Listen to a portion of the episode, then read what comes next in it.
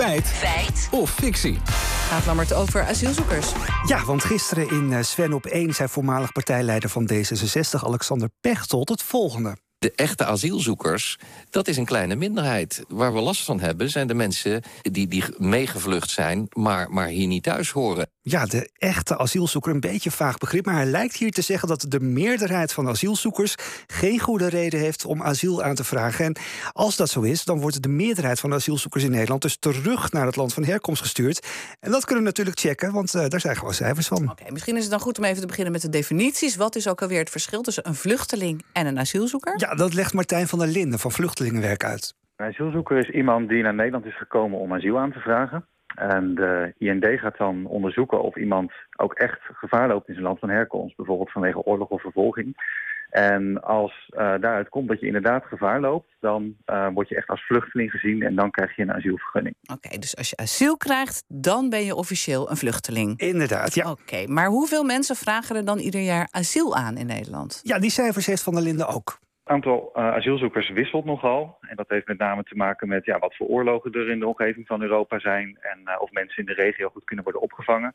Um, de afgelopen tien jaar zien we gemiddeld zo'n 25 tot 35.000 asielzoekers komen. Ja, 25 tot 35.000 per jaar bedoelt hij. En dat zijn dus mensen die voor het eerst een asielaanvragen aandoen. Nareizigers horen daar bijvoorbeeld niet bij. Oké, okay, gaan we verder. Hoeveel van die asielaanvragen worden dan goedgekeurd? Ja, daarvoor belden we met Leo Lucassen, hoogleraar aan de Universiteit van Leiden en directeur van het Internationaal Instituut van Sociale Geschiedenis.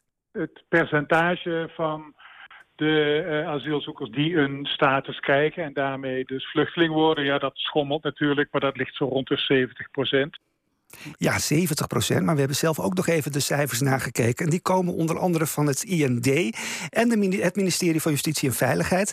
In het eerste halfjaar van 2023 is ongeveer 76 procent van de inhoudelijk behandelde asielaanvragen ingewilligd.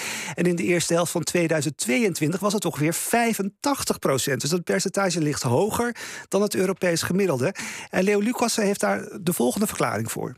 Dat komt omdat uh, hier veel mensen asiel aanvragen uit, ja, laat ik zeggen, erkende conflict- en oorlogshaarden. Dus met name Syrië, maar denk ook aan Jemen, Eritrea, Afghanistan, Irak. Uh, en dan is de kans dat je een status krijgt als je uit die landen komt, is relatief groot. Zeker als het om Syrië gaat.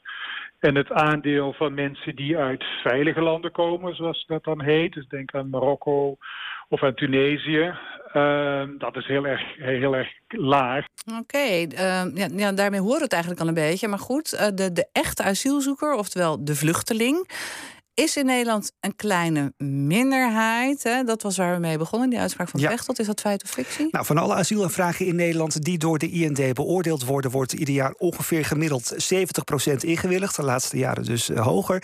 Je kunt dus zeggen dat 70% van de asielzoekers in Nederland vluchteling is. Of in Pechtold's woorden dan een echte asielzoeker. Maar ja, 70% lijkt mij een vrij ruime meerderheid. Een minderheid is het in ieder geval niet. Dus die uitspraak van Pechtold is echt fictie.